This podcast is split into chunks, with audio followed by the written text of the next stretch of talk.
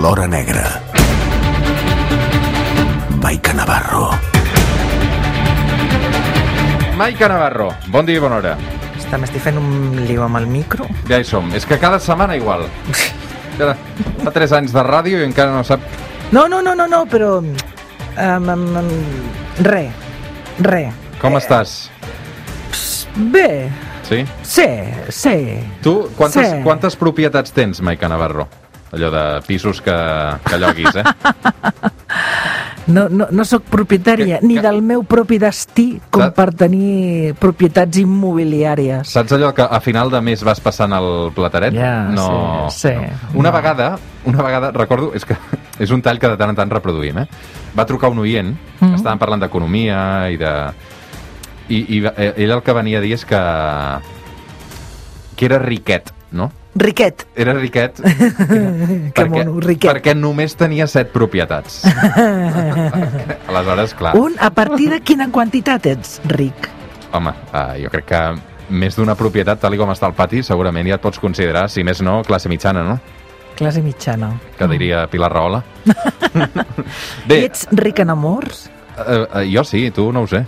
Jo sí, jo tinc visc amb dos certs excepcionals, el Simon i la Lola, com un plan de un plan d'alegria. T'ha canviat la vida, eh? T'ha canviat la vida, eh? Molt. Perquè, o sigui, en menys d'un any has passat de 0 a 2, no? Dos, dos gossos. En, en un any, de novembre sí, de, he passat del Simon i a Simon i Lola. Sí, I s'entenen bé tots dos? Sí, no, no tenen més remei, però sí, sí, la Lola com a bona petitona que és, doncs està tot el dia sobre de l'altra i l'està emprenyant tot el dia, li mossega l'orella, li mossega la cua, no el deixa viure, però jo espero i, vaja, no tinc càmeres a casa per controlar-los com té altra gent, però entenc que fan el que fan quan estic jo, que és jugar tota l'estona, que era l'objectiu, que estiguessin acompanyats quan jo no hi sóc. Avui amb la Maica Navarro, i per això li preguntava si era propietària, parlem d'un cas, marxem fins a Mallorca, l'any 2007. Ens fixem en el cas de la Margalida Bastar, una dona de 73 anys que vivia a Mallorca i que, bàsicament, tenia llogats 12, 12 pisos i 3 locals comercials. Margalida Bastar, any 2007, Mallorca, una dona de 73 anys.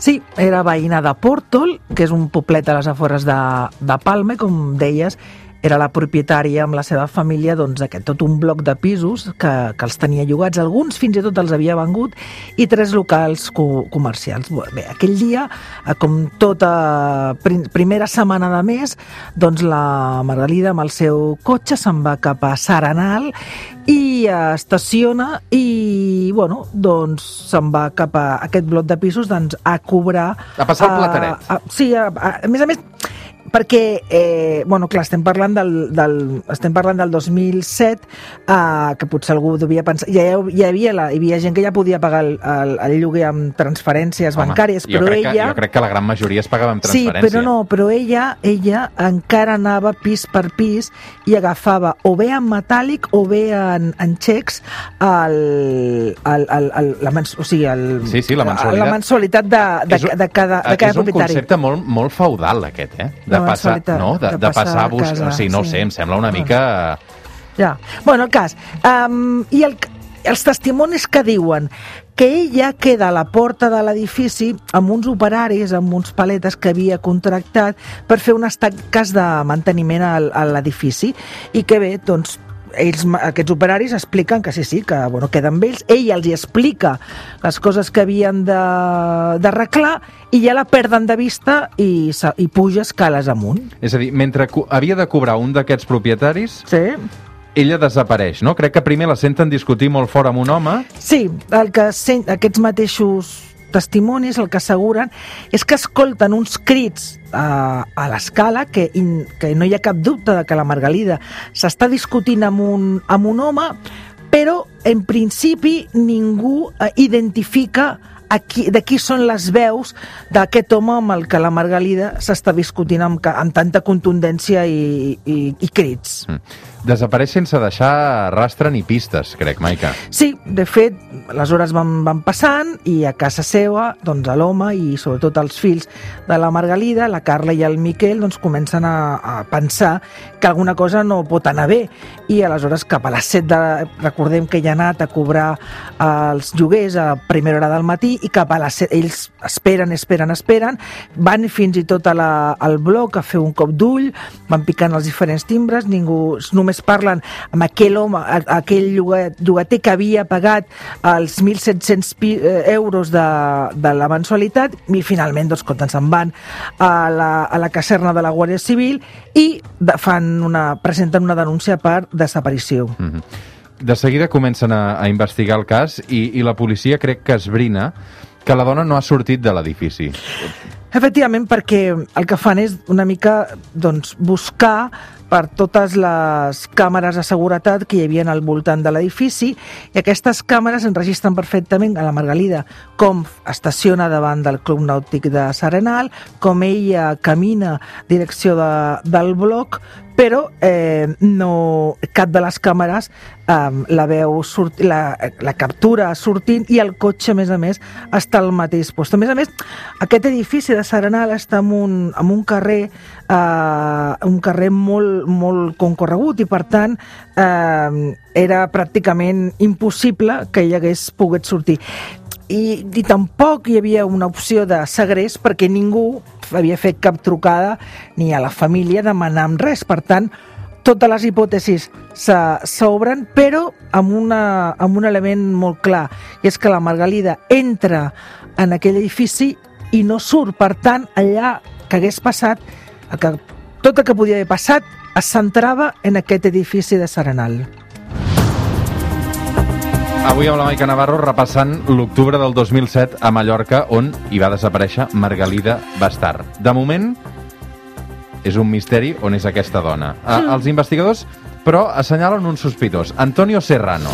Sí, i el nom no apareix per casualitat. És veritat que en un moment m'ha explicat que el, els primers testimonis el que expliquen en un primer moment tant els fills que acudeixen a l'edifici com els inves primers investigadors que no identifiquen les veus a mesura que els dies passen i, i la Margalida no, no apareix, doncs es comença ja a fer una, uns interrogatoris més insistents i aleshores el que tothom coincideix en aquell bloc i també ho diuen els fills, ho recorden els fills, és que la Margalida té una relació molt complicada amb l'Antonio Serrano. L'Antonio Serrano qui és? Doncs és un home que havia comprat un dels, un dels pisos d'aquell edifici i tenien mala relació des del primer moment. Per què? Doncs perquè, el, tot i que havia comprat el pis feia ja un any i mig, l'Antonio encara no havia canviat la titularitat de l'edifici. Per tant, l'immoble continuava a nom de la Margalida Bastar. I ella estava Bastar, i esta- ella estava indignada perquè els impostos, l'IBI, impo- les tasses d'escombraries i tot li continuaven arribant amb ella. Quan t'arriba l'Ibi, tremola. Aleshores, el que, el que ella havien discutit per dir-li, escolta'm, ara veig que no t'has tornat, m'ha tornat a, arri- a arribar el, el rebut de l'IBI, et vaig demanar que ho canviessis, no ho has canviat, i allò va pujar, va pujar, va pujar de tot. Per tant, es va ensenyalar a l'Antonio Serrano. L'Antonio Serrano, evidentment, és cridat pels investigadors i comencen a... i fa un, un primer moment és interrogat i ell reconeix que és veritat que ha parlat amb ella, que li ha retret el tema de la, del, de la facturació, del, de l'IBI, del rebut, que li ha recriminat el tema de, de que no ha posat el pis encara el seu nom al registre de la propietat, ell explica que és, que, bueno, que és molt despistat i comença a introduir a la seva primera declaració com a elements sospitosos. Assegura que aquells dies havia vist un grup de romanesos molt sospitosos, un búlgars que havia vist com de manera sospitosa mirant a l'edifici, i alguna cosa mmm, aixeca la, la suspicàcia dels investigadors que van una mica més enllà e introdueixen les seves dades al doncs, el sistema informàtic, a les bases de dades de la policia. És a dir, la policia posa Antonio Serrano a les seves bases de dades, no? Ah. Resultat, què passa quan la poli posa Antonio Serrano?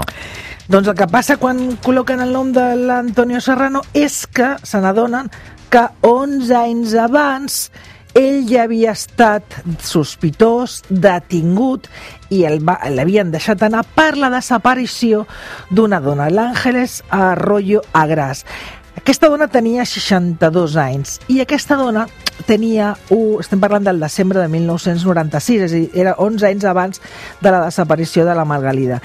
L'Àngeles Arroyo tenia un xiringuito de, de Frankfurt, de, de futbolins i tal, a Cala Major.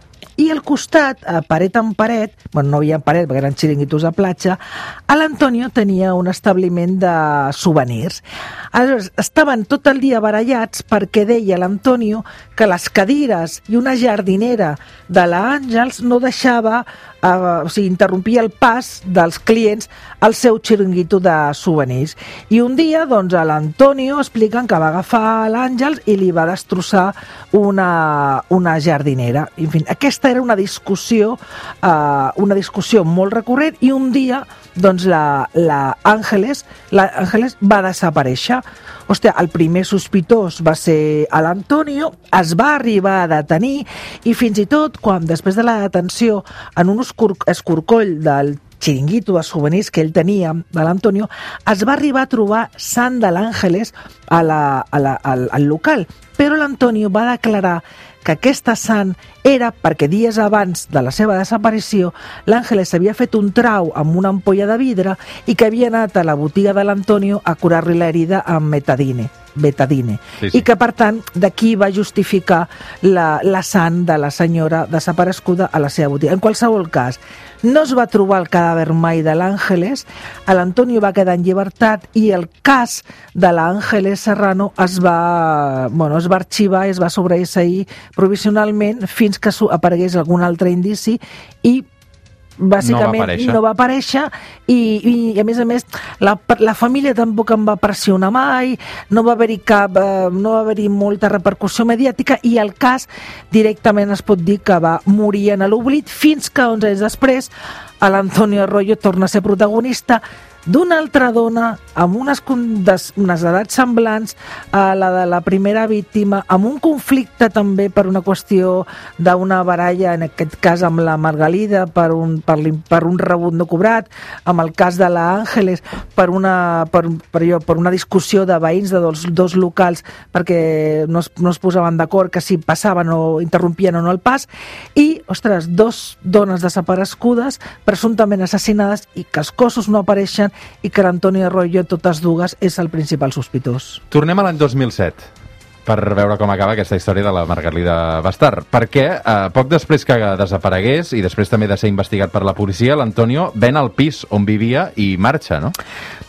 Eh, de fet, fixa't que amb el cas de l'Àngeles també, poc després de la desaparició de l'Àngeles va, va, es, va, es, va, es va desfer del contracte llogater que tenia de la botiga de souvenirs, va desaparèixer, va marxar a Eivissa i aquesta ocasió també va vendre aquell pis, la, la Guàrdia Civil continuava investigant, van aconseguir una autorització per, per entrar a l'immoble de l'Antonio en, aquell, en aquell edifici que els investigadors continuaven pensant que la Margalida no havia sortit d'allà i per tant que havia d'estar allà sí o sí, van entrar i tot i que van estar dies i dies i dies, van aixecar eh, terres, van destrossar envans, sostres, no van trobar absolutament res.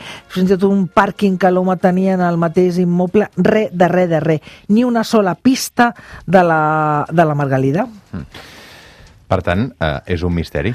Sí, el que passa és que, tot i que no havien trobat res en aquell, en aquell pis, la Guàrdia Civil continuava eh, entenia que l'únic sospitós, o sigui, totes les investigacions, totes les línies, anaven a parar sempre cap a l'Antonio i després de fer-li declarar en diferents ocasions van veure que entrava en múltiples contradiccions a l'hora d'explicar què havia fet aquell dia que la Margarida havia desaparegut. Finalment, eh, a l'abril del 2008, un any després, eh, es va tornar a, es va tornar a escorcollar a fons casa seva i tot i que no es va trobar el cadàver, la jutgessa va entendre que, que podia anar a presó. Va estar uns mesos a presó, però després, com en el primer cas, va quedar, va quedar en llibertat perquè eh, en el moment que va presentar un recurs a l'audiència doncs van entendre que no hi havia que les proves de la Guàrdia Civil no eren prou, no, els indicis no eren prou sòlids per mantenir l'acusació contra ell. A veure, Maica, intentem buscar desenllaç perquè... Expliquem-ho ja. Aquest cos no, Tenim... no, no ha aparegut mai, no? No ha aparegut mai el cos de la Margalida, de la Margalida Bastard i, de fet, eh, ell està en llibertat i a l'agost del 2010 un desconeguts la païssen de tal manera, o sigui, ell té una cita per, amb un cli, presumpte client per vendre-li una finca, al final el que es presenten són tres encaputxats que li foten una pallissa que eh, fa que estigui ingressat en estat molt greu a l'hospital. Ell no vol denunciar però finalment s'obre una investigació per part de la Guàrdia Civil i tot i que el fill de la Margalida, el Miquel, tenia una bona coartada, que era que estava aquell dia pescant a Menorca, s'entén que és corresponsable i se'l va condemnar per, no per l'agressió, per sí per a coaccions és a dir, el, i amenaces de l'Antonio. El fill la, sempre ha defensat que, que l'Antonio és l'assassí de la seva mare. Sí, que la justícia i que la Guàrdia Civil i que la justícia no havien fet el que havia de fer i tot i que ell reconeixia que s'havia presentat molt de temps davant de l'Antonio per recriminar-li i amenaçar-lo, ell es va... És veritat que la coartada de que el dia de la pallissa ell estava a Menorca era sòlida i estava contrastada, sí que va ser condemnat per, per coaccions. I durant un temps l'Antonio Serrano va estar en protecció per part de la Guàrdia Civil. I fins al dia d'aquí fa quatre dies, que és desembre del 2020, que torna a ser, entre cometes, l'Antonio Serrano torna a ser d'actualitat. Notícia, bàsicament, perquè es mor per culpa de la Covid, aleshores. Efectivament, al desembre del, de l'any passat, del 2000, es va... Bueno, l'Antonio Serrano, que sempre va, va ser sota, a, a sobre seu, va estar aquesta sospita de ser l'autor de la desaparició de, criminal d'aquestes dues dones, doncs va morir, tenia 75 anys, en la Covid-19 se'l va portar per endavant amb la doncs amb l'angoixa de, de les famílies, de la Margalida Bastar i l'Àngeles Arroyo,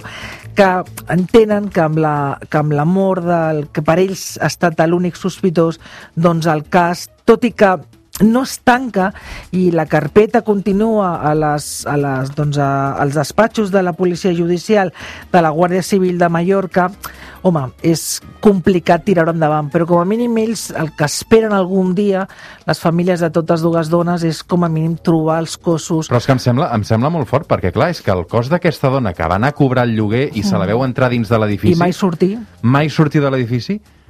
Què en va fer d'aquest cos, no? On és aquest cos? No se sap. Home, el I, que i, sospita... Ser, ser família i viure amb aquesta angoixa? El que se sospita és que d'alguna manera el devia, la devia assassinar a... Clar, estem parlant de presumptament perquè la justícia el va exonerar eh? i no es va jutjar mai però va entendre que no hi havia prou elements però qui fos, qui fos eh, evidentment queda amb ella l'assassina i d'alguna manera el, aconsegueix treure el cos de d'aquell immoble o el deixa amb algun racó dels que no van ser escorcollats per la Guàrdia Civil, perquè en aquell seu moment la Guàrdia Civil va tenir autorització per entrar a l'immoble que havia estat propietat de l'Antonio Serrano, i allà van aixecar sostres, parets, eh, tot, i no van trobar res, és que ni una gota de sang eh, tampoc el pàrquing, però clar, potser l'edifici tenia altres zones on sí que van passar comunes on van passar els gossos, entenc que no podia ser i mai cap altre inquilí va ser sospitós potser se li va passar alguna cosa als investigadors que no van saber veure en aquell moment i l'assassí està de rosites ara mateix. Però és un misteri que, com tu molt bé deies, es viu amb una angoixa insuportable per les famílies. La, i, i tenim més coneixement de la família de la Margalida Bastar que en el seu dia van, van fer fins i tot moltes manifestacions a la, allà on, a la població on, ella, on la dona vivia i es va arribar fins i tot a oferir importants sumes de diners per alguna pista o del cost 15.000 15 euros, 500, bueno, diners per, perquè algú pogués ajudar i lamentablement doncs, doncs mira, el cas està arxivat, reposa les atestats amb uns allò, aparadors del despatx de la Policia Judicial de la Guàrdia Civil de Palma i esperem que algun dia, com a mínim, de casualitat apareguin els cossos i es pugui reobrir el cas. Avui la història de la Margalida Bastar, també de l'Àngeles Arroyo, a través d'aquest personatge, l'Antonio Serrano, que ens va deixar l'any passat eh, per culpa de la Covid, un personatge que presumptament, segurament, li costarà descansar en pau. Maica Navarro, un plaer com sempre un dissabte més al suplement. Una abraçada. Cuida't moltíssim. Fem una pausa i de seguida tornem. El suplement. Ràdio amb esperit de cap de setmana. Amb Roger Escapa.